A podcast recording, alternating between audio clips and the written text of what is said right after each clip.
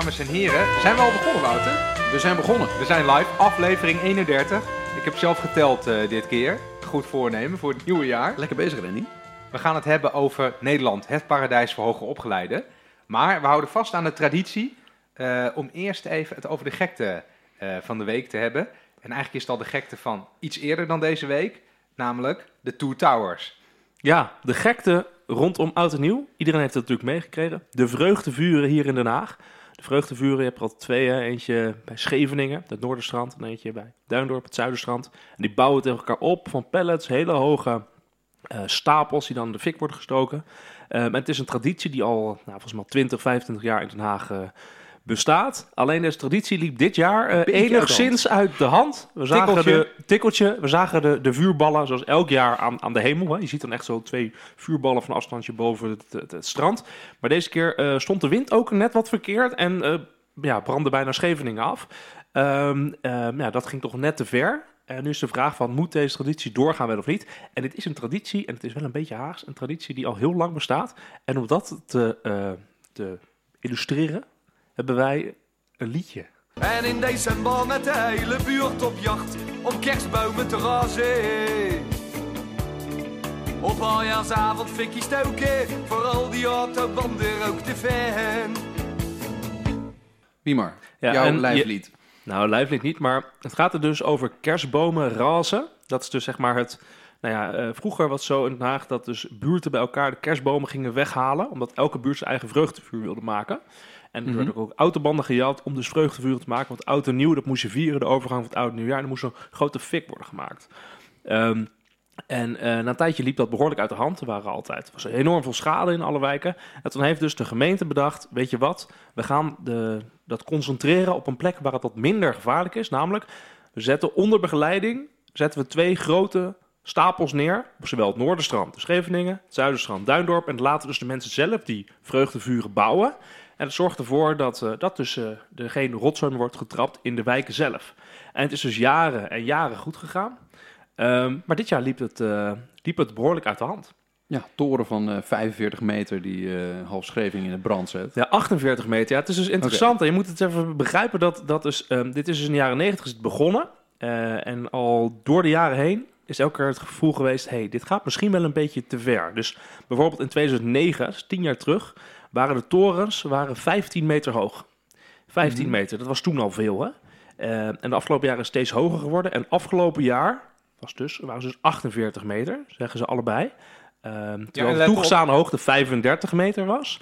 En allebei die torens, die hebben dus al een keer in het... Uh, het is de World Guinness Records gestaan. Hebben ze de grote, echt prijzen gewonnen met de grootste vreugdevuren ter wereld. Dat waren ze dit jaar weer. En het zijn dus echt traditionele uh, culturele dingen. Want die twee dorpen, zeg maar, in Den Haag, Scheveningen, Duindorp, die bouwen ook echt tegen elkaar op. Dus de bedoeling is ook, ze willen van elkaar winnen. Ze willen zo hoog mogelijk uh, stapel maken.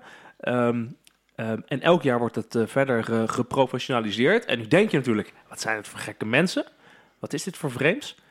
Maar het trekt dus enorm veel bezoekers tienduizenden mensen komen dus elke jaar naartoe om die, die bouw van die vreugdevuren te zien. Want die bouw begint altijd op 26 december. Na kerst. 10 uur s'avonds na kerst. En die eindigen dan op 31 december om 4 uur s middags. Dus ze gaan gewoon dagen aan het bouwen, allebei die dorpen. En het is dus ook 24 uur per dag. Hè? Dus het gaat gewoon de hele tijd door. Um, um, en het wordt dus uh, uh, steeds uh, hoger gebouwd. En die twee vuren, die staan zelfs um, op, op, het, op het erfgoed. Het zijn cultureel erfgoed, allebei. Zowel Duindorp, Duindorp is in 2015 cultureel erfgoed geworden. En uh, het Vreugdevuur van Scheveningen in 2014. En ze staan dus ook allebei in het Guinness Book of Records. Hey Wiemar, maar jij, jij volgt dit overduidelijk als echte Hagenees, Hagenaar, ik weet het nooit. de lokale politiek, hoe, reageer, hoe hebben die hierop gereageerd? Nou, dat is dus het moeilijke. De lokale politiek is dus een voorstander hiervan, hè? Al, al, al gewoon decennia.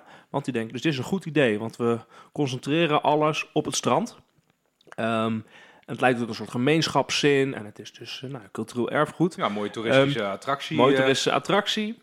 Um, en er worden dan altijd worden de convenanten afgesproken. Dus er wordt dan gezegd, op dit jaar, met, met de bouwers van die twee vuren, wordt dan gezegd: oké, okay, uh, het mag maar um, eh 10.000 kuub zijn, maar 10.000 kuub. Het mag maar 35 meter hoog zijn en het mag maar 20 bij 20 zijn. En dat zijn Ja. dan de grenzen waar je je aan moet houden. En als de, de, de politie en de brandweer die handhaven dus, na een tijdje stoppen ze dat. Maar nu liep het dus voor de eerste keer fout. Eh, en meteen regeert natuurlijk de hele Haagse politiek van... hey, hoe kan dit gebeuren? Waarom is het niet gehandhaafd? Hoe komt het dat het zo onveilig is?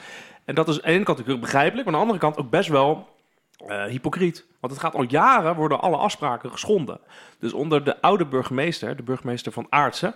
is al gezegd, die heeft al gezegd van... ja, dit is echt op de grens van alles wat, wat verantwoord is. Het is gevaarlijk. Er zitten daar mensen op die torens van 35 tot 40 meter... die dus ongezekerd zijn. Er Ja. vallen ook mensen van af. Er is ook een filmpje bekend dat in 2010... 2010 een van de bouwers van Vreugdevuur van Scheveningen... dat hij dus 10 meter naar beneden is gevallen. eh, en het gelukkig overleefde. Dat filmpje zie je ook staan. Er wordt ook online wordt dat genoemd de Flying Dutchman. Dus die man is gewoon bekend in Scheveningen als... dat is een man die van het Vreugdevuur afgevallen is en het heeft overleefd. Ehm, en eh, elke keer eh, wordt gezegd, dit gaat te ver. Eh, en we moeten eigenlijk gaan handhaven. Van Aarts heeft gezegd, de ME laat ik uit Groningen indrukken... op het moment dat het een keer echt te ver gaat... om dit te stoppen, want het wordt gewoon gevaarlijk. Maar ik begrijp dat dit zelfs ook zonder vergunning gebeurt. Ja, precies. Er wordt gewoon gezegd van, hey, we hebben een convenant. Eh, en de, bouwers moeten zich daaraan houden. Eh, en op het moment dat ze dat doen, is het allemaal oké. Dus het is geen officiële vergunningsprocedure Maar of wacht zo. even, jij zegt dat convenant 35 meter hoog, maar dat vuur was 48 meter hoog, die Ja. stapel. Zou er nee, dat dus is- niet aan wat, is, wat is dit jaar? Want het, elk jaar wordt het te hoog. Hè? Elk jaar wordt het geschonden, ook onder Van Aartsen. Het ging het elke keer hoger dan de convenanten. Wat er dit jaar dus, eh, eh, wat eigenlijk iedereen even moet zien. Er is dus een documentaire gemaakt door Omroep West over de strijd van, van dit jaar onderling tussen Scheveningen en Duindorp. Daar zie je dus dat al twee dagen van tevoren, voor het einde, dat dus al Duindorp is tegen Duindorp gezegd, jullie moeten nu stoppen met bouwen. Dat tegen Scheveningen was gezegd, ah, jullie gaan nog maar even door. En dat toen Duindorp dus, dus midden in de nacht ehm, allerlei eh, vrachtwagens nog uit het Westland, stiekem, Westland, eh, met pallets heeft eh, aanlopen rijden. Ehm, om te zorgen dat ze nog door kunnen bouwen. Want ze willen allebei het hoogste zijn. Hè? Het gaat niet over hoe groot het is, het gaat om de hoogte. Het is gewoon heel, heel, heel simpel. Zo hoog mogelijk. heel Vandaar primair. dus Wie heel heeft de primair. grootste? Wie heeft de grootste? Ik hoorde ook iemand in die documentaire zeggen dat er 80.000 pallets. 85.000. 85.000. Per, per toren 85.000 pallets. En je moet die documentaire dus echt zien, want het is gewoon geweldig. Het is maar 20 minuutjes. Die documentaire heet West Dog. Eh, het heet al brandstapels van vreugdevuren tot vonken regen. En dan zie je dus wat voor strijd er tussen die twee is en hoe dat dan verlopen is. Het is echt heel leerzaam. En die twee vreugdevuren hebben zelf nog eigen websites. Wist u dat? Je hebt de website www.duindorpvreugdevuur.nl en de website www.vreugdevuur-scheveningen.nl. En ze zijn al jaren in de lucht. Ze hebben een eigen Facebookgroep. Ik heb het, groot, eh, groot, Ik heb het groot. gevoel dat we nu bijna op het punt komen dat ik er meer van te weten kom dan, lief is. Hey, maar Wouter, als, als Den Haagse politiek watcher, dit het lijkt me toch dat dit gevolg gaat hebben voor burgemeester Krikke. Want nadat dit gebeurd was, hoorde ik haar eh, op tv of op de radio zeggen... Ja, we gaan een heel lang duren, een heel lang onderzoek doen. Het gaat zo lang duren. Oh, u heeft geen idee hoe lang het gaat duren. Toen dacht ik meteen, nou, dat is een mooie tijdrekmanoeuvre. Want dit is natuurlijk primair de verantwoordelijkheid van de burgemeester om te zeggen: stop jongens, hè. Nu, eh, nu gaat het niet meer. Nou, Wat, wat interessant hieraan is, is dat dit eh, op een typisch Nederlandse manier is een soort eh, gekke traditie van het volk is ingedampt door prachtige overlegstructuren en maatregelen. En een beetje inkaderen en samenwerken en om tafel zitten en dan tot de conclusie komen dat we wel, ja, u wilt de boel in de hand zetten, nou doe dat dan niet al te gek, eh, dan maken we daar wat regeltjes over, Eh, Ja, dan, ja, ja, dan kunnen we elkaar gewoon weer de hand geven. Maar wat het, het moeilijke was, dat de burgemeester achteraf verantwoordelijk was geweest voor de openbare orde en de veiligheid eh, tijdens die nacht. Ehm, maar ook heel duidelijk moest laten zien dat, dat hij hier te ver was gegaan en wat ze eraan ging doen. Ehm, en ik, wat, wat zijn ze ook weer? Wie maar als eerste? Ze gingen een bepaald eh, onderzoek wilden ze gaan laten instellen. Ja, nee, dit is natuurlijk fascinerend. Hè? Want zij zit natuurlijk wel in een probleem, die burgemeester. Want ze heeft dus in juni 2018 aan de raad laten weten dat het vorige vreugdevuur... dat het dus ehm, eh, echt aan het grenzen, op het uiterste zit van wat er verantwoordelijk is. Ze heeft gezegd, we moeten gaan handhaven, anders gaat het fout.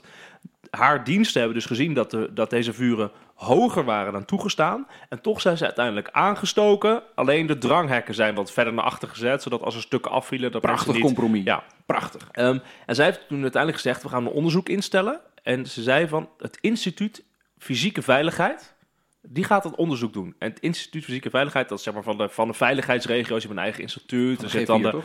Eh, nee, de, van de, volgens mij de, de alle veiligheidsregels. Oké, er zitten meerdere ja. Nederlanders. Er zitten dan voor de brandweer en de politie en de ambulance zitten er allemaal in. Alleen het probleem was... Maar, maar wie zit daar in het Het bestuur? bestuur zit dus Krikke, de burgemeester van Den Haag. de, de voorzitter van dat... eh, Ja, dat weet ik niet precies, ze zat in het bestuur. Dus uiteindelijk is gezegd, oh ja, dit is wel leuk, eh, mevrouw Krikke, zo'n onderzoek. Maar ja, dit is niet helemaal onafhankelijk. Dus nu gaat de onderzoeksraad voor de veiligheid van Chibi Joustra, die gaat daar een, een, een onderzoek doen. En het, het is natuurlijk interessant hoe dit, gaat, hoe dit gaat aflopen, want ja, ze had moeten handhaven. Maar aan de andere kant, al jarenlang hebben burgemeesters niet gehandhaafd op het convenant. Twee, de bouwers hebben gewoon zelf doorgebouwd. En drie, ehm, er is eerder een eh, onderzoek gedaan door het, wie kent het niet, het bureau Effectis over de veiligheidsrisico's van die vreugdevuren. Nooit en daar stond gehoord. toen in, er stond toen in, Typisch Nederlands. Iets mag niet, erin. toch onderzoeken. een vliegvuur en zo'n vuurtornado, zoals nu op Scheveningen was. De kans daarop is verwaarloosbaar dat dat gaat gebeuren. Oh, prachtig. Ehm, dus dat is natuurlijk het lastige. sorry? Dat is Dan kan, je lastig, toch, dan kan je toch ook weer zien wat zo'n onderzoek weer waard is. Dat is weer eh, tegenovergestelde van nuttig. Ja, het tegenovergestelde van nuttig, want het eh, wordt dus nu natuurlijk gebruikt om te zorgen dat, eh, dat de burgemeester gaat zeggen, ja, eh, ik wist niet dat de kans hierop aanwezig was. Ja, want dat bureau zei ja, dat er geen kans op was. Dus ja, ach, we Ja, hebben het maar... Jongens, Geprobeerd. Even, en, en een stukje gezond verstand hoor. Ik heb, ik, heb, ik heb die stapels gezien en als je een foto zag... Ja, dat, je zag twee keer de toren van Babel. Ehm, er zat ook nog een haven tussen die twee torens. Dat had je niet eens door. Dat leek net of die toren gewoon op de, op de voorgrond stond. En er stond gewoon een best wel stevige, vier boven of zo, wind, landinwaarts. en die torens, die, staan, die vuren, die staan misschien 100 meter van de bebouwing af. Weet je waar ik me meest... Ik was, ik was toevallig op de op oudjaarsdag ging ik even hardlopen in de ochtend. En toen ging ik langs die toren van Duindorp. Waar ik me heel erg over verbaasde was dat er ook niet echt een, een heel stabiel constructieplan achter zat.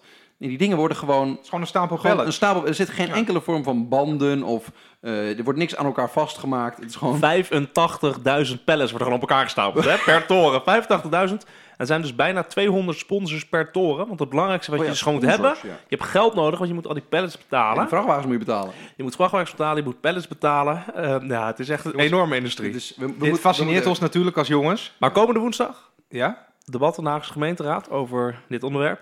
Van zeg maar, wie is, er, eh, wie is er voor, wie is er tegen, wie is de schuldige, wat moet er met burgemeester Krikke gebeuren, wat gaan we volgend jaar doen. En het interessante is Ja? dat dus partijen als de PVV, Groep de Mos, dat zijn de partijen die zeggen, wat er ook gebeurt, die vreugdevuren moeten volgend jaar weer doorgaan.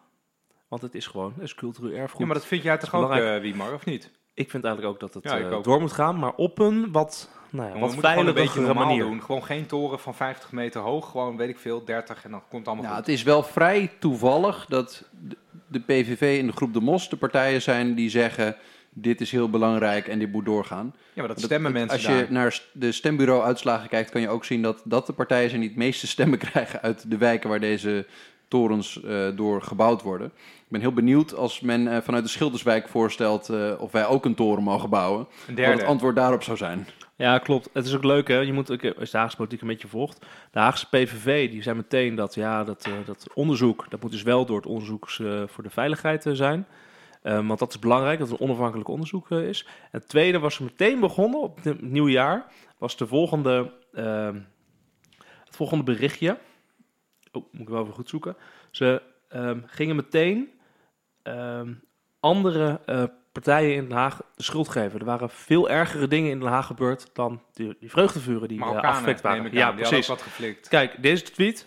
Iedereen heeft het over de vonkenregen op Scheveningen, maar niemand over de regen van geweld en de vuurwerkbommen in de Schilderswijk. Wat ons betreft schiet de politie volgend jaar met scherp op tuig dat vuurwerkbommen naar onze agenten gooit. We gaan raadsvragen stellen. Dus de PVV doet even een afleidingsmanoeuvre. We moeten het gewoon weer over Marokkanen hebben en dit moet gewoon doorgaan volgend jaar. De. PVV heeft toevallig ook een, eh, een rol, een belangrijke rol in het volgende onderwerp dat we gaan bespreken. Yes. Dit is weer een van onze vintage eh, soepele bruggetjes die we nu over eh, Ik glijden. vond deze wel beter dan we eerder hebben gemaakt eigenlijk. Ja, Oh, dit is goed, niet de slechtste. Dit is Ja, niet de slechtste. 31 afleveringen, maar dan heb je ook wat, hè? Van Heb je goed naar een sociaal-cultureel planbureau. Ja, want dat hadden we nog niet gezegd. Het onderwerp is Nederland, het paradijs voor hoger opgeleiden. En de reden dat we het hier over hebben, is dat het Sociaal Cultureel Planbureau eh, doet grote opinieonderzoeken, burgerperspectieven heet dat. Ehm, en eh, dat is eigenlijk het gemoed van Nederland. Wat vindt Nederland? Gaat het goed? Gaat het slecht? Ehm, Wiemar, jij zit, jij, eh, jij zit het meest in, in deze onderzoeken. Nou, ik wil heel kort daar wel wat over zeggen. Ik, ik, ik denk namelijk dat... Had je niet willen overslaan, Nee, dat, Wouter, dat Wiemar sorry. Bolhuis de enige persoon is die mij ooit lastig valt met of ik de burgerperspectief al gelezen heb. Dus het is fantastisch dat we het hier in de podcast nu eindelijk een keer over kunnen hebben. Nou ja, dit is in ieder geval voor de luisteraar. Dit is iets wat het Sociaal Cultureel Planbureau vaker doet. Ja, en, en er komt meestal, vorige keer kwam er iets uit van, ja, mensen vinden dat het goed gaat eh, met zichzelf, maar slecht eh, met Nederland. Ehm, en nu gaat het over eh, eigenlijk de politiek. Eh, wie, wie, welke groepen vinden dat het lekker gaat en welke groepen vinden dat het flut gaat. Ja, Ja. Dat zeg je helemaal goed. En hè, dus de, de directeur van Circle Roos, Kim Putter, zit ook wel eens in het nieuws met dit soort, eh, dit soort verhaaltjes. Eh, dit is dus dat, dus dat burgerperspectiefonderzoek, dat doen ze al jaren en jaren en jaren. Dus je kan ook door de tijd kan je allerlei trends zien. Dat is ook eh, eh, leuk, dus over het humeur van Nederland. En een van de meest grappige onderwerpen die je altijd ziet, is, dus ook de oude directeur, Snabel, Paul Snabel van het, van het Circle Bureau, die zei altijd van, Nederlanders vinden dit namelijk, met mij gaat het goed en met ons gaat het slecht. Oftewel, Nederlanders vinden dat met hun eigen individuele leventje prima gaat, maar met de samenleving en Nederland gaat het, eh, gaat het slecht. En dat blijkt ook nu weer. Eh, Dat vinden ze nog steeds. Vinden ze nog steeds. Het gaat met eh, onszelf gaat het goed, maar Ik vind dat zelf een- ook, eerlijk gezegd. Met mij gaat het Ja, goed. met jou gaat goed. Nederland gaat niet goed. En de ruime, zat een, een behoorlijk ruime meerderheid die zegt, ja, maar met Nederland gaat het echt de verkeerde kant op. De verkeerde kant op. Dus want we- dit, is, dit, is, eh, dit is jammer, want hè, in radio kan je niet iets laten zien. Maar er zit één eh, grafiek in en dat is de absolute kern van dit, eh, van, dit onderzoek en van wat er aan de hand is in Nederland. Daar, worden een paar, daar zitten een paar kwadranten in en daar worden, worden alle partijen en krantenlezers en mensen die televisieprogramma's kijken gegroepeerd. opleidingsniveau. Ja, opleidingsniveau, heel belangrijk. Naar gaat het goed met Nederland? En dan afgezet tegen eh, gaat het goed met u? Ja, dus je hebt gewoon een, een, een, een as aan de onderkant.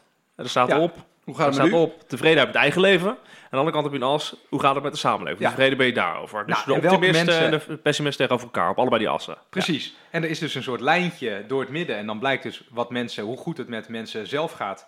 eh, zo goed vinden ze ook ongeveer dat het met Nederland gaat. En wie zijn de allergrootste, wie zijn het allerblijst? VVD en D66-stemmers. Ja, echt Die ver echt- uit, hè? Echt gewoon, Ver uit, ja. Die zitten helemaal rechtsboven in het hoekje. En dan daal je af naar links onderin het hoekje. En wie zitten daar? De PVV'ers. Echt eenzaam, in vo- volledige ontevredenheid met zichzelf en met de hele boel. Ja, die Ja. vinden alles flut. En als je dan een beetje, ja, dit, ik vind dit echt fascinerend. Hier kan je een uur over praten. Ehm, wat is hier nou aan de hand? Ehm, als je beter kijkt, dan zie je ook de hoger opgeleiden staan ook rechtsbovenin, waar het super gaat. Hè? Eh, de lager opgeleiden staan links eh, onderin, waar het slecht gaat. Eh, de SP staat ook links onderin. De niet-stemmer. Ja. Fascinerend. En volgens mij is dit de nieuwe kloof in Nederland. Ja, ja, zeker. Dit is zeg maar inderdaad, dit is de, de, de hoogopgeleide tegenover de laagopgeleide. eh waar vaak over geschreven wordt. En je ziet dus ook dat dus de laagopgeleide die stemt of PVV, of Forum voor Democratie, of SP, of gaat gewoon niet stemmen. Daar komt het eigenlijk op neer. Ja. En wat heel fascinerend is, is dat ze nog eh, Partij voor de Dieren stemmen. Ja, die Ja. zijn ook vrij, eh, Die- de dat mensen zijn ook vrij heel pessimistisch. opmerkelijk. Ik Ja. vind het ook flut gaan.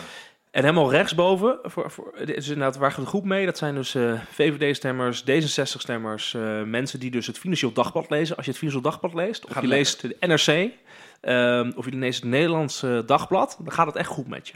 Dat is eigenlijk wat, er, Statistisch gezien eh, hoor je dan al bij de winnaars. Ja, of als je ChristenUnie stemt, eh, de CDA. Dus eh, ik, ik probeer het samen te vatten op, op Twitter met een bericht van... het gaat goed met... Ne- je bent tevreden over je eigen leven als je geld hebt.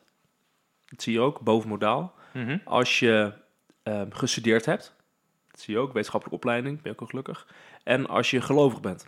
Dus je ziet ChristenUnie en de SGP, die zijn allemaal CDA, die zijn allemaal super gelovig met Behalve super de tevreden met elkaar. mensen. Want de Nashville mensen van de SGP die staan helemaal los van... eh, Ja, maar die zijn heel tevreden. met zichzelf. Hè? Dus de SGP en, en, het, en de mensen die het reformatorisch dagblad lezen, die staan in het blokje bij elkaar. Ik denk dat dat dezelfde mensen zijn. Mooi dat het wel die, zijn is.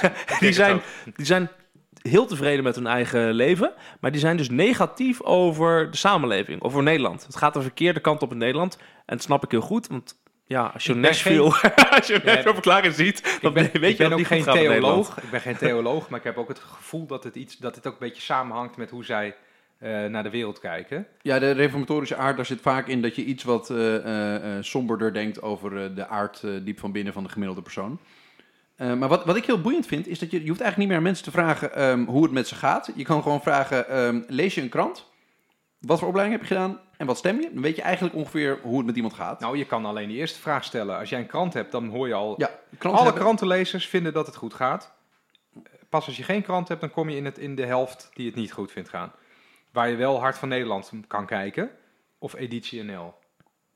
Trouwens. Maar dit, is, dit lijkt heel erg op. Ik, kennen jullie dit boek? eh, de Diploma Democratie? Van eh, Mark Bovens, professor bestuurskunde en Angie Wille, docent eh, bestuurskunde. Die eh, zeggen dat ook. Hè, van eh, geef me eh, welke krant je leest, welk televisieprogramma je kijkt. en ik kan jou vertellen wat je stemt. Ja. En dat is precies wat je, wat je hier ziet. Er is echt een enorm verschil tussen. Nou ja, de, er zit een correlatie tussen, de, tussen opleiding, inkomen, kranten, tv ehm, en vervolgens wat, je, wat, je, wat je stemt. Wat ik wel interessant vind, is dat er dus niet een, een traditionele links-rechts verdeling is, maar dat je ziet dat ehm, de, meest eh, eh, eh, optimistische partij ten opzichte van zichzelf en het geheel, dat is de VVD, maar de meest negatieve partij ten opzichte van de mensen zelf en het geheel, dat is de PVV. Dus het, het is niet zo dat rechts of een, een voorspeller is van tevredenheid of, of groot pessimisme. Want de, de SP zit dus ook helemaal aan de kant van het, de ontevredenheid over het eigen leven. ehm, eh, en en eh, de GroenLinks zit weer helemaal aan de andere kant. eh, in ieder geval flink aan de andere kant. Waar het gaat over de tevredenheid van het eigen leven. De scheiding is dus veel meer van... ehm, eh, ben je hoog opgeleid? Ben je, ehm, eh, volg je bepaalde media...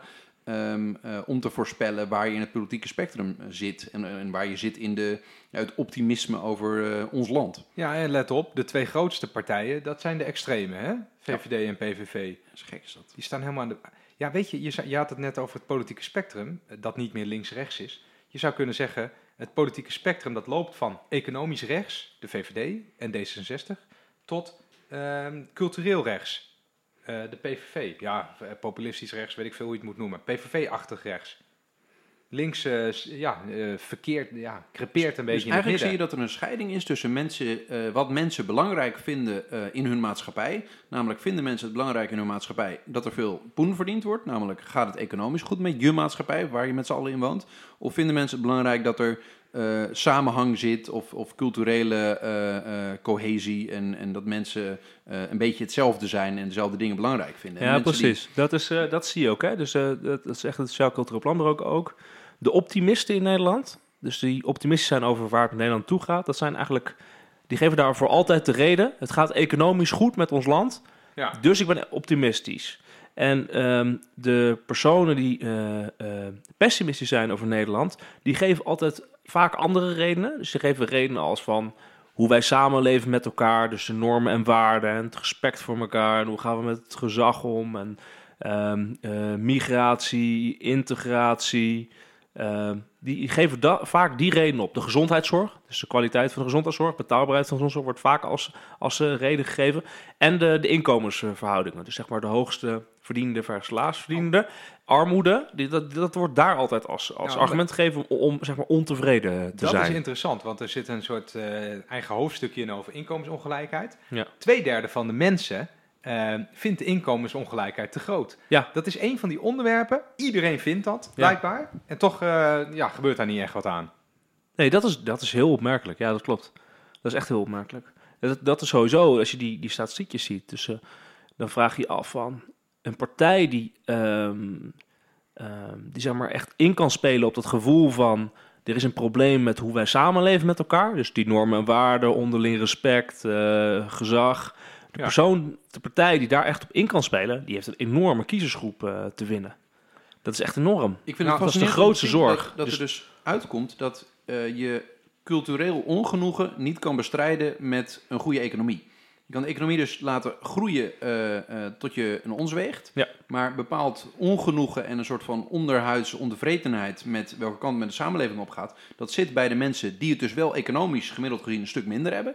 Dat komt niet alleen voort uit hun economisch ongenoegen, maar het komt Nee. voort uit, uit iets anders, iets culturelers. eh, Ja, nou ja, noem maar dan een, een soort typisch, hoe zeg je dat, linksachtig denker. Maar dat zijn ook mensen die niet mee profiteren van de economische groei.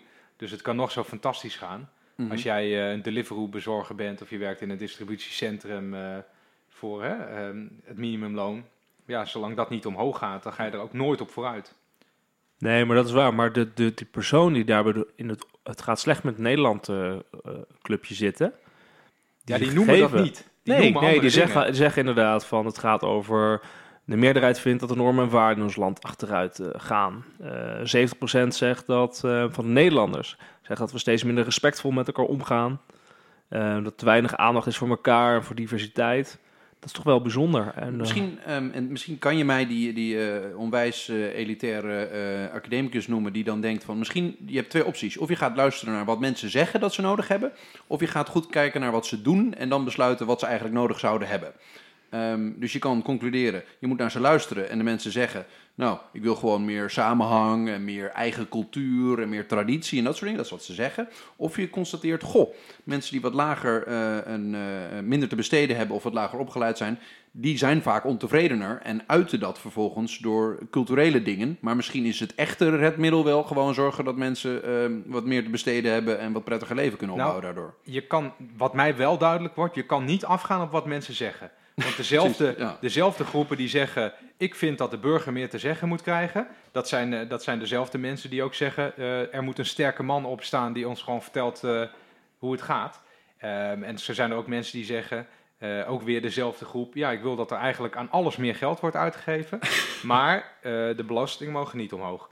Ja, dat is grappig. Hè? Je ziet dat, eh, dat de grote meerderheid van de mensen zegt... er moet meer geld naar zorg, er moet meer geld naar onderwijs... er moet meer geld naar armoedebestrijding... maar ik ben niet bereid om meer belasting te betalen. Ja, maar het is ook logisch. Hè? Ja, ja, Je, ja. je wil een strak lijf, maar je wil nooit sporten en zo en dat soort dingen. Ja, het is ook allemaal Dat- dat was alleen maar menselijk. Toen ik dit, Klopt. dit was de eerste keer dat ik een heel eh, eh, SCP-rapport las. En ik dacht aan het einde van, oh wat is, politicus zijn toch een rotvak.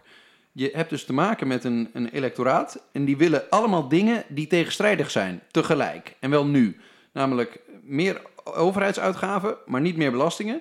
Ehm, en ik wil ook nog eens eh, een 24-uur samenleving, dat komt er ook heel erg naar voren. Ehm, namelijk als consument. Dus ik wil op ieder moment alles kunnen hebben wat ik wil. Maar ik wil trouwens niet als werknemer een 24-uur samenleving. Ehm, ik wil eh, politici die eerlijk zijn en naar het volk luisteren. Maar ik wil wel een sterke leider met een visie. Dat zijn allemaal dingen. Dat is, dat is knetter moeilijk te com- eh, combineren met elkaar. Dat is Ja, een maar soort... zouden mensen ook niet gewoon wel weten dat het allemaal niet kan, wat ze willen? Ja, ik weet niet. Ik wil ook zo min mogelijk sporten en heel strak lijf. Ja, het, het is best. En wat ik opmerkelijk vind, is dat je hebt... Er zit een- als je naar het grafiekje kijkt, of naar dat, dat het beeld kijkt... er zitten dus bijna geen partijen eh, linksbovenin en rechtsbovenin. Hè? Dus het bestaat niet... Even uitleggen, wat is dat weer? Ja, dat betekent dus in het vakje, we zijn ontevreden, minder tevreden met het eigen leven. En we denken dat Nederland de goede kant op gaat. Dat bestaat dus niet. Dus je Nee. moet eerst in je eigen leven moet je tevreden zijn. En dan pas kan je ook gaan zeggen... oh ja, ik vind ook dat het met Nederland goed gaat. Dat, is, dat is, dat zou ik hieruit concluderen. Ik vind het ook logisch. Ik vind het ook logisch. Gezegd. En het andere vakje, dus ik ben heel tevreden met mijn eigen leven. Maar dan vervolgens concluderen dat met Nederland slecht of goed Nou, slecht kans gaat. Ja, precies. Dat vindt ook helemaal niemand. Behalve als je SGP, als je SGP'er bent. Nou ja, daar had ik eigenlijk linkse partijen misschien een beetje verwacht. Dat ze zeggen, nou prima, het gaat met mij allemaal prima. Ja, al die moeten- zurige, die zurige linkse partijen, die hadden rechtsonder moeten staan. Maar het enige wat er staat is de SGP. linkse Ja. partij, nou ja, nou ja, de SP staat toch wel een beetje linksonder. Maar PvdA, GroenLinks, ChristenUnie, die denken dat het allemaal heel goed gaat met Nou, Nederland. Ik als je vind de nu- PvdA zo extreem positief. Dat past helemaal niet Als je bij het nu naar, zurige eh, beeld van de PvdA'ers. Als je nu naar groepjes kijkt, dan, dan, dan hebben VVD'ers, GroenLinksers, PvdA'ers en D66'ers hebben meer met elkaar te maken. Eh, en aan de andere kant kom je een beetje in de gele hesjes driehoek. Daar hebben, daar hebben S, ja, zonder flauw te doen, daar hebben SP'ers, PVV'ers en niet-stemmers staan het, eh, het meest bij elkaar. Ja. Nou moet ik wel zeggen, hier ontstaat de indruk dat dat hè, 50-50 is, als, je het, als wij het zo vertellen. Ja. Eh, maar eh, als ik goed kijk, de meerderheid van Nederland zegt: hey, het gaat eigenlijk best goed met mij. eh, en het gaat ook best goed met Nederland. Ehm, maar er is een, een soort stevige minderheid. Ik weet niet hoe groot, 30, 40 procent of zo, als ik dit zo zie. die zeggen: het gaat niet goed, het gaat niet goed met mij en het gaat niet goed met Nederland. Maar ik denk, dat zijn dan de gele hesjes vermoedelijk. Hè, dat type onvrede zit daar. Ehm, maar die, die komen er electoraal niet doorheen. Want die zijn een minderheid. Eh, en dat Nou, zijn die de, ook de niet. outsiders. Ja, maar, en die zitten ook niet bij de partijen die in de regering zitten.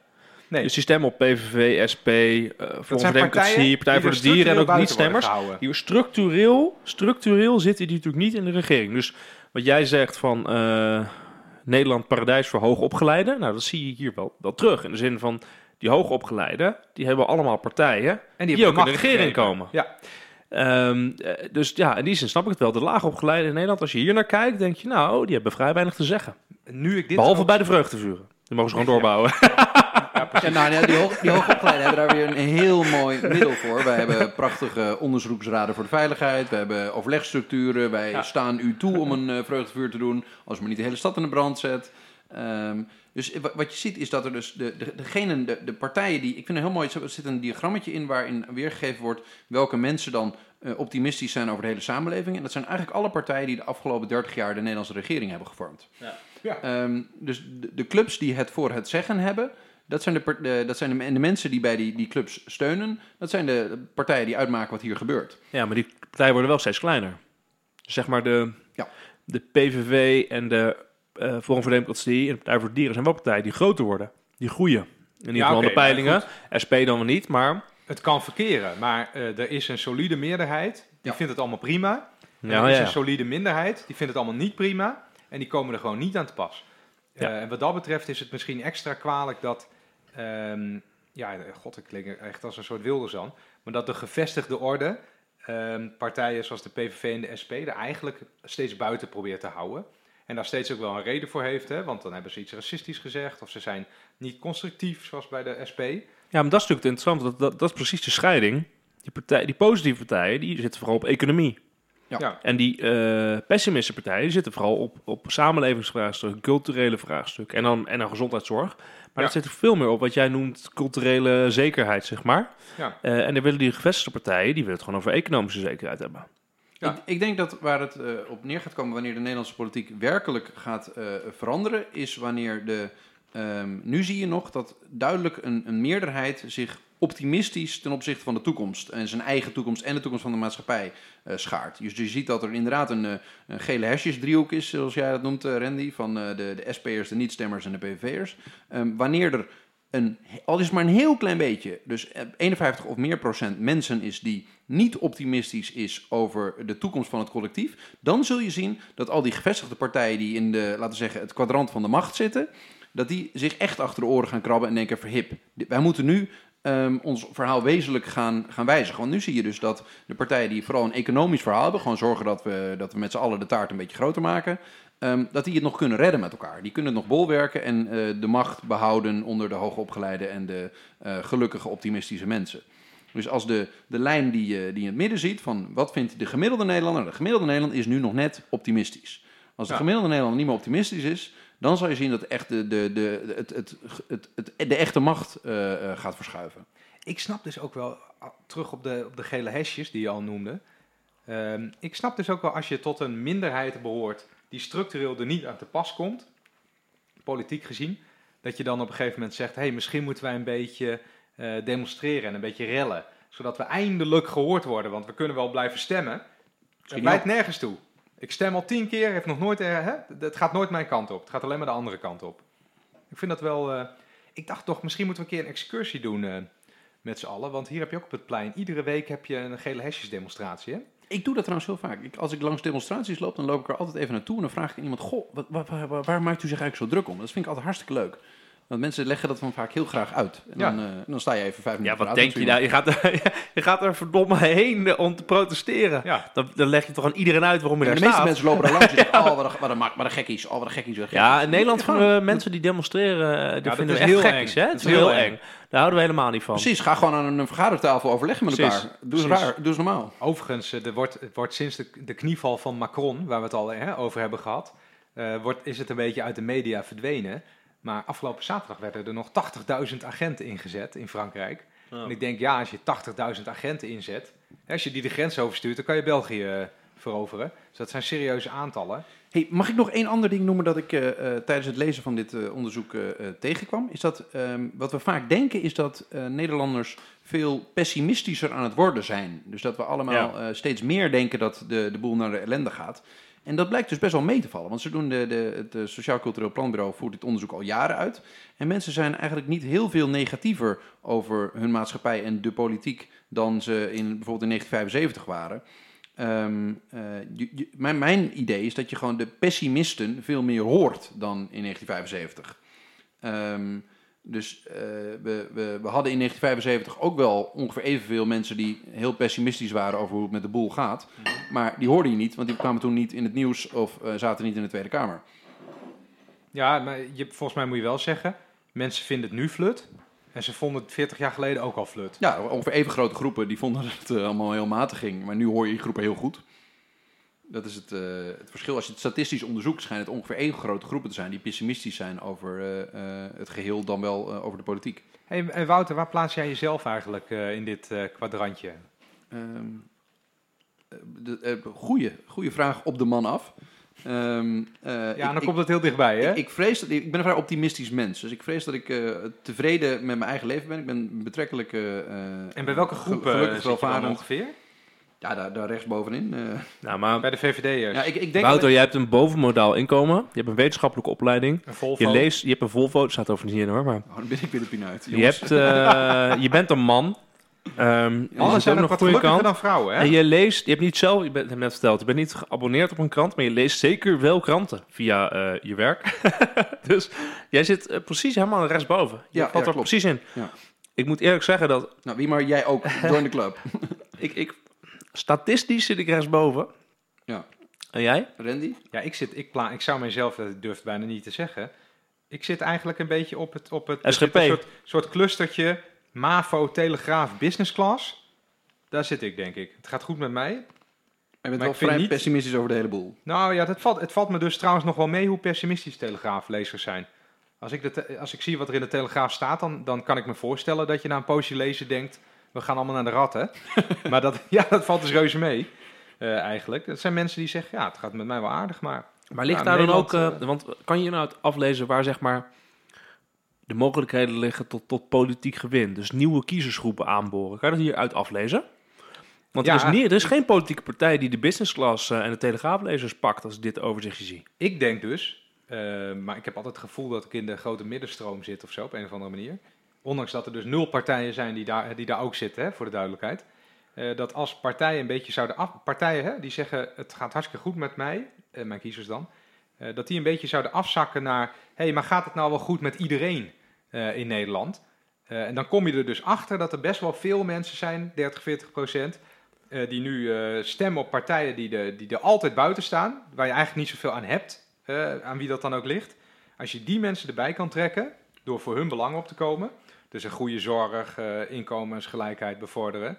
eh, en ook die sociaal-culturele zekerheden...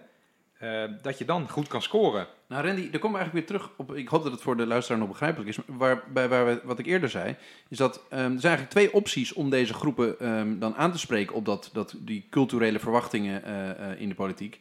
Namelijk, of je spreekt ze direct daarop aan en je zegt: Ik ga meer samenhang in de Nederlandse maatschappij, ik ga meer eigen verworvenheden verzorgen, ik ga meer voor meer eh, eh, saamhorigheid zorgen. Of je zegt: Nou, dat gevoel van ongenoegen dat u heeft, dat, is dat komt Doordat u niet hoog opgeleid bent, niet genoeg kansen krijgt eh, en er te weinig sociale mobiliteit is en te, groot, te veel ongelijkheid is. Dus ik ga gewoon zorgen dat u eh, verheven wordt eh, of een prettiger leven heeft en dan zullen we met z'n allen gelukkiger zijn. Ja, ik geloof daar niet. Ik vind dat, daar geloof ik niet zo in. Dat is een in mijn, beetje, mijn ogen een beetje de D66-visie. Mhm. Van hè, we, we, we onderwijzen ons helemaal suf en dan worden we allemaal gelukkig en rijk. Weet je, zo werkt het niet. Een samenleving heeft altijd groepen en lagen. Eh, ik denk dat de vraag waar het echt om gaat is: is Nederland nou een prettig land voor lager opgeleiden, bijvoorbeeld? Eh, dat is ook een beetje klote woord altijd, maar goed, je snapt wat ik bedoel. Als jij aan het MBO bent geweest, ehm, leef jij dan in een heel prettig land? Ik denk dat dat vaak niet zo is. Als jij bijvoorbeeld een zwakke gezondheid zou hebben, ehm, ja, dan, dan vind je ook de zorg veel belangrijker. Als jij oud bent en, en je, je gezondheid wordt dan natuurlijk ook steeds zwakker. En je komt er dan achter dat, dat de verzorgingstehuizen eigenlijk al pas toegankelijk zijn als je al bijna dood bent en dat soort dingen. Eh, als, je wij, eh, als je maar twee uurtjes thuiszorg per week kan krijgen. Wij, ons boeit dat nu nog niet. Eh, maar als wij het nodig zouden hebben, dan zou het ons gaan boeien. En ik denk als we nu als partijen nou al hè, ook een beetje na gaan denken voor mensen die niet op hun stemmen, van is dat nou wel goed geregeld voor deze groepen? Ja, dat je dan moet erkennen dat Nederland niet echt een topland is voor lager opgeleiden. Denk ik, hè, flexibele con- contractjes, weinig inkomen, weinig zekerheid. Nou ja, ik, wat ik eh, opmerkelijk vind is dat als je dus kijkt naar die, eh, die vijf thema's die belangrijk vinden. Dus stel je voor dat je zou zeggen, we maken nu een politiek programma waarin we als speerpunt zeggen hoe wij in Nederland met elkaar omgaan. De normen, waarden, het respect voor elkaar. Het is allemaal verschrikkelijk. Dit moet echt beter. We zien toch allemaal dat het slecht gaat met Nederland. Wat voor samenleving zijn we eigenlijk? Ja, Tweede punt wordt, ja, immigratie, integratie. Mm, mm, misschien moeten we daar toch even op, op, op terugkomen. Iets mindere grip, zeg maar. Het derde punt dat je zegt, hey, zorg. Ja, zorg moet echt in geïnvesteerd worden. En het moet, Moet makkelijker zijn, goedkoper zijn. zijn. Punt. Ja. Dus meer geld er naartoe. Het vierde punt dat je zegt, die inkomensverschillen tussen arm en rijk. eh economische zekerheid is te groot. Past het aan? Dit kan toch niet? En het vijfde punt, noemen ze hier politiek. Normale burgers moeten meer inspraak hebben op wat er gebeurt in de politiek. Oftewel referenda. Als je die vijf punten in het programma zet, dan zou je volgens het SCP-onderzoek zou je gewoon een enorme hoeveelheid mensen samen moeten kunnen binden. En één probleem is, niet een probleem, maar als ik dit dan zeg, zo vijf, ben, ik dan, ben ik dan een populist? Als ik dat zo zeg? Ben ik dan een, eh, ben ik dan een PVV'er? Ik ben in ieder geval niet een, een, een VVD of een D66er. Maar je bent, wie- dan, je bent dan niet iets wat nu bestaat in de Nederlandse politiek. Ja, want het, het, het gekke is dat wij vaak van politieke partijen verwachten dat ze vanuit een, eh, een bepaalde ideologie voortkomen. Ja. Wat wij nu doen is, wij kijken naar, goh, we hebben onder duizenden mensen zitten kijken wat ze gemiddeld gezien vinden. En daar gaan we even een programma op bouwen. Wat politieke partijen eh, normaal altijd deden, en die voortkomen uit eh, tijden dat we nog niet zo grondig eh, burgeronderzoek konden doen, is wij hebben een bepaalde ideologie. Wij zijn christendemocraat, wij zijn sociaaldemocraat, of wij zijn liberaal. En van daaruit zouden wij deze en deze dingen moeten doen in de maatschappij. Dus dat is onze visie. En nu draaien we het eigenlijk om en gaan we zeggen, nou, goh, we gaan goed naar de maatschappij luisteren. De geluidjes die we daar horen vertalen we in een programma en dat vinden wij bij deze. Ja, ik vind dat niet zo gek, want je bent, het heet ook volksvertegenwoordiger. Ik vind het heel logisch om dan gewoon te kijken wat vinden mensen en dat dan te proberen te vertegenwoordigen. En Maar als je dit soort dingen eh, je zegt, is het, dingen. het, het engste punt is natuurlijk waar je dan over begint te praten. Waar het meeste spanning op zit, is natuurlijk immigratie en integratie. hè? Dat vinden mensen het lastigst. Dus het, de, de, de, terwijl ik het fascinerend vind, als je dus in die studies duikt, dan blijkt dus dat ehm 40% van de Nederlandse bevolking, meer dan 40%, vindt de aanwezigheid van verschillende culturen een winst voor de samenleving. Dus positief over, Ja, over migratie. En tegelijkertijd vindt een meerderheid van 60% dat ons land door immigratie en open grenzen te veel van zijn eigenheid dreigt te verliezen. Dus dat is nu weer die culturele zekerheid. Ja. Maar ik vind dat tegelijkertijd, het spreekt niet een enorm eh, racistische of anti-migratie eh, gevoelens uit, toch? Of wel? Ik ben eigenlijk, wat je, wat je, de ondertoon is, is dat men een beetje ja, aan het twijfelen is. eh, op, op heel veel thema's. Ook, ook op het eh, migratie- en samenhangthema. In, in principe zijn we niet heel eh, gemiddeld gezien niet, niet racistisch of eh, nativistisch van aard. Maar ehm, vinden we wel dat het, ja, het was wel, we, we hebben bepaalde dingen die we nou eenmaal op, op een bepaalde manier met elkaar doen hier. En dat vinden we wel fijn en er moet niet al te veel verstoord worden. Maar ik ben ook niet heel erg tegen alles wat anders is of zo. Nee, ze willen graag, Mensen willen graag eh, vluchtelingen, willen mensen echt, vluchtelingen Ja, willen mensen heel graag opvangen. Natuurlijk. helpen en alles. Ze alleen, ja, parallele samenlevingen die langs elkaar eh, heen leven. Of eh, onze Nederlandse manier, die wordt weggedrukt. Ze zijn ook heel trots over abortus, homorechten, dat soort dingen. Ja, als dat in het gevaar komt, dan eh, zijn we er wel enorm tegen. Weet je, als, wat, wat ik, als ik hier, dat, wat jullie nu aan het doen zijn, volgens mij een beetje door de regels heen lezen van wat, hè, wat willen mensen nou eigenlijk echt?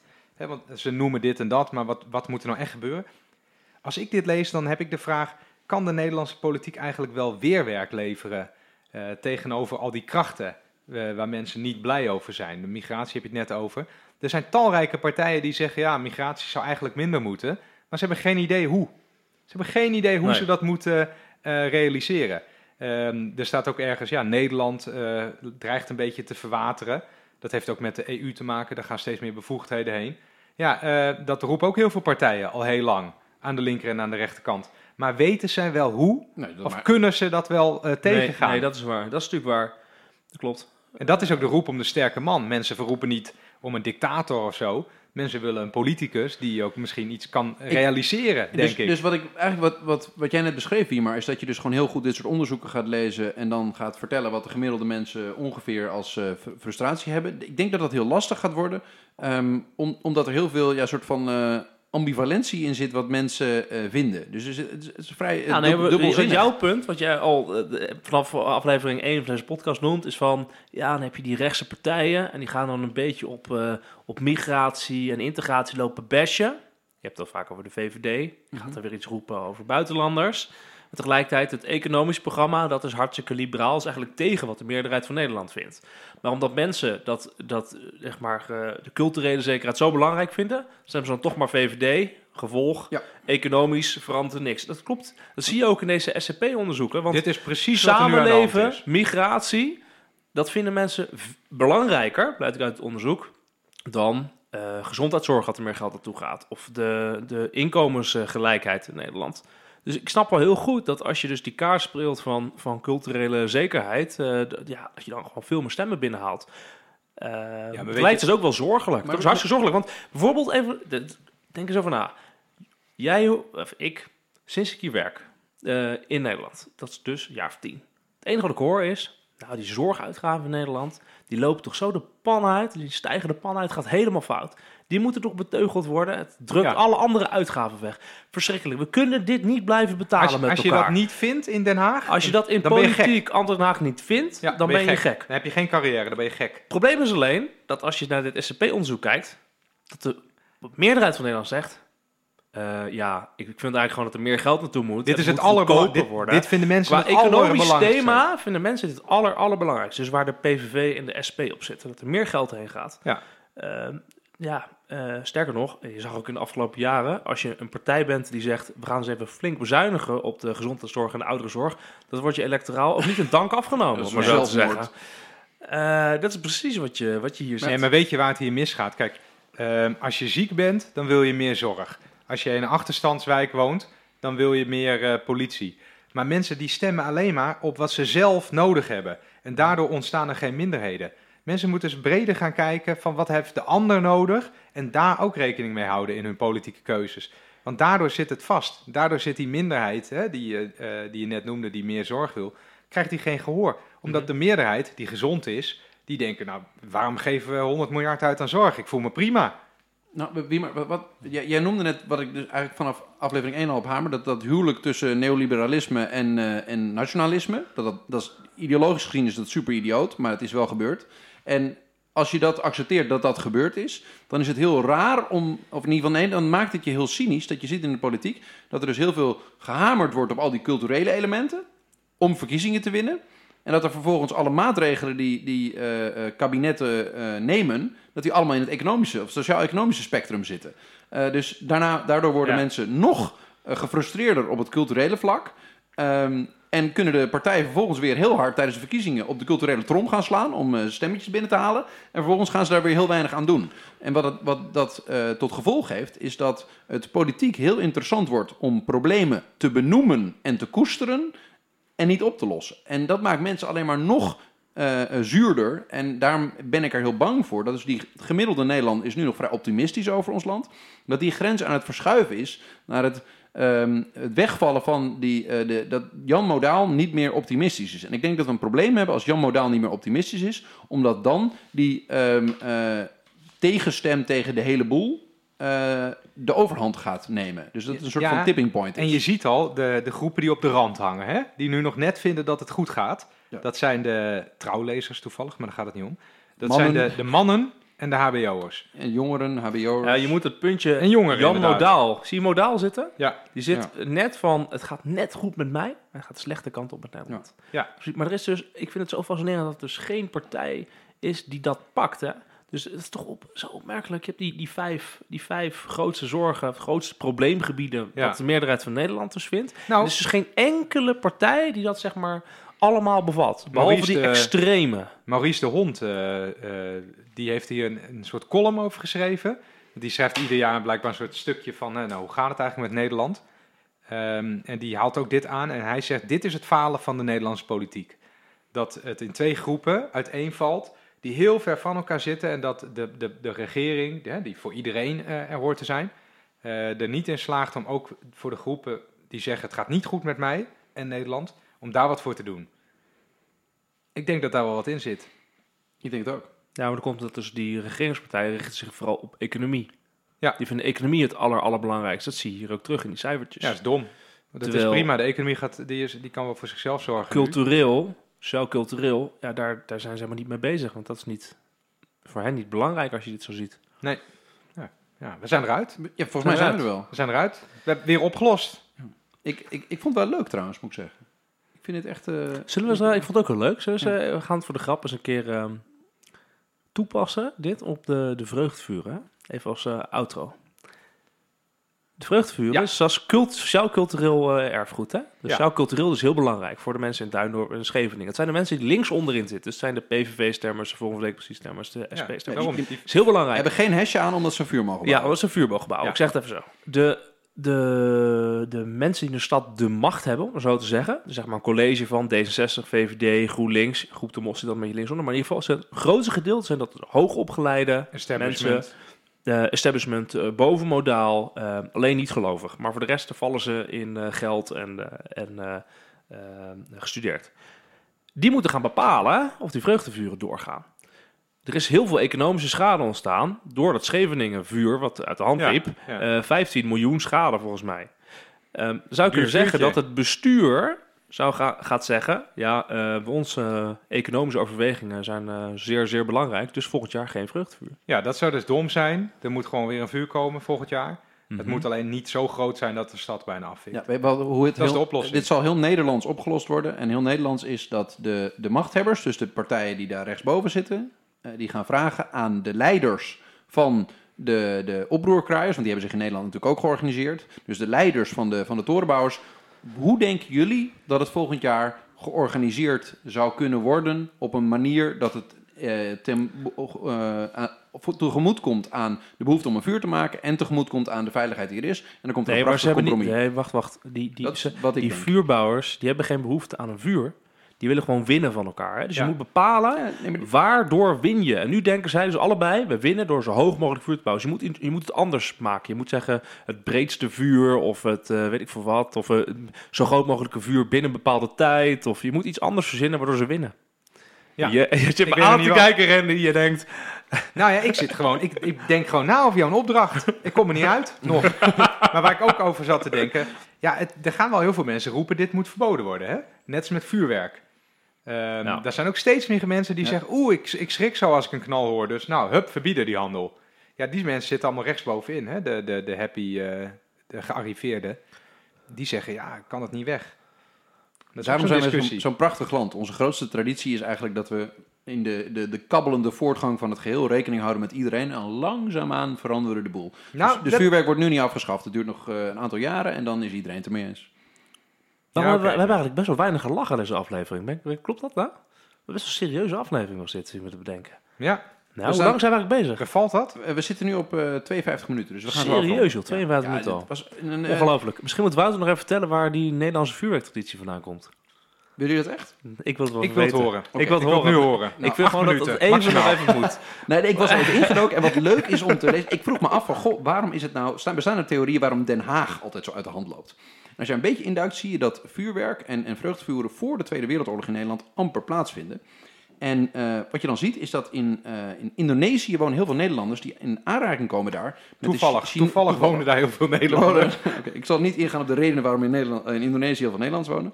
Ehm, maar die komen in Indonesië in aanraking met de Chinese traditie om heel veel vuurwerk af te steken. om voor het nieuwe jaar met lawaai en knallen de boze geesten weg te jaren. En ehm, nou, wat gebeurt? Indonesië wordt eh, eh, eh, onafhankelijk. En het grootste gedeelte van de mensen, in ieder geval een- de grootste groep, die komt naar Den Haag. Weet je wel? Den Haag wordt de, de weduwe van Indië genoemd. En ehm, wat er dan gebeurt, is in Den Haag ontstaat een traditie om knalshows te organiseren en op straathoeken vuren te maken, die veel sterker is dan in veel andere steden van Nederland. Begint echt in Den Haag.